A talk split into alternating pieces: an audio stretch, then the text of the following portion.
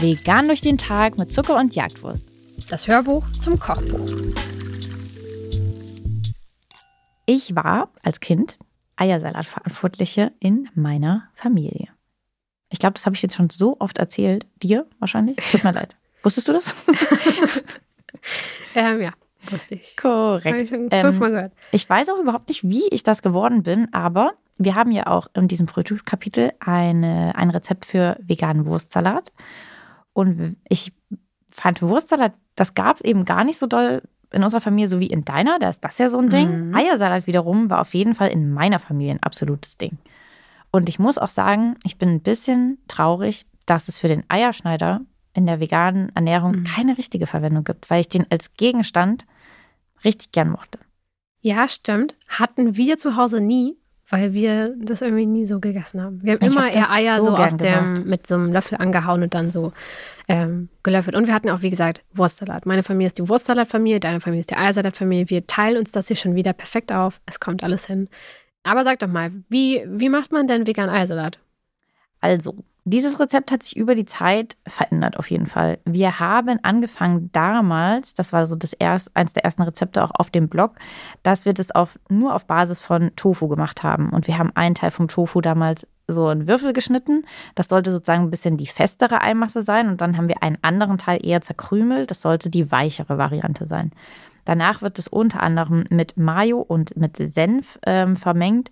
Und hier muss ich sagen, das sind jetzt Mengen, die sind jetzt abgesprochen mit anderen Menschen. Ich mache tendenziell viel zu viel Senf zum Beispiel rein. Ich liebe aber auch Senf. Also ihr könnt das alles als Referenz sehen. Auch die Mayo wurde mir, glaube ich, auch schon mal gesagt, dass es tendenziell ganz schön fettig ist. Ich kenne das aber so und bei uns gab es eben auch wirklich immer viel Senf dazu. Deswegen, das ist ja mein Rezept hier, habe ich so gemacht, wie ich. Ich habe das ein bisschen angepasst, ähm, weil ich glaube, es war schon wirklich ein bisschen drüber mit meinem Senf, ähm, mit meiner Senfmenge. Aber das könnt ihr natürlich abschmecken, so wie ihr möchtet. Mittlerweile ist es aber so, dass auch Nudeln mit eingezogen sind in unseren Eiersalat. Das haben wir mal getestet. Ich glaube, ähm, das Rezept von Björn Moschinski ähm, habe ich damals mal ausprobiert und dachte so, krass, das ist ja wirklich viel, viel besser, wenn da noch Nudeln drin sind. Und deswegen ist das einfach noch mit dazugekommen. Der Rest vom Rezept ist eigentlich genauso geblieben, wie wir den vorher gemacht haben. Aber wenn ihr ein paar, so vor allem kürzere, so Röhrennudeln nehmt, das würde jetzt nicht unbedingt mit Spaghetti zum Beispiel funktionieren. Ihr braucht es eben, die, die sollen sozusagen ein bisschen diese, die wirklich die Eierstückchen, die wir damals mit dem Eierschäler gemacht haben, die sollen die so ein bisschen imitieren. Und deswegen braucht ihr auf jeden Fall schon ein bisschen Macaroni mit einem Volumen. Deswegen kürzere Röhrennudeln eignen sich dafür perfekt. Und die im Prinzip kocht ihr einfach und zerkleinert die so ein bisschen.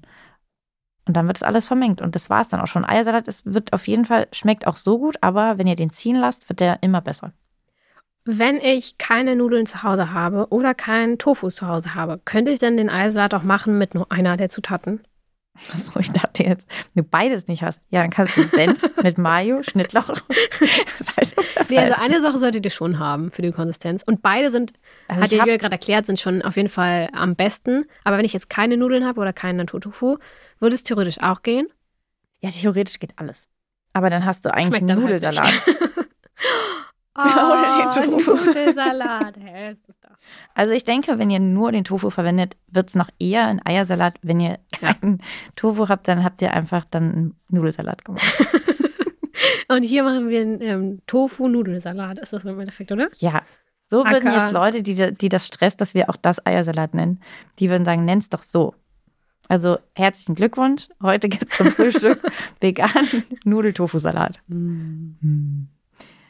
damit überlassen wir euch das Rezept. Viel Spaß damit.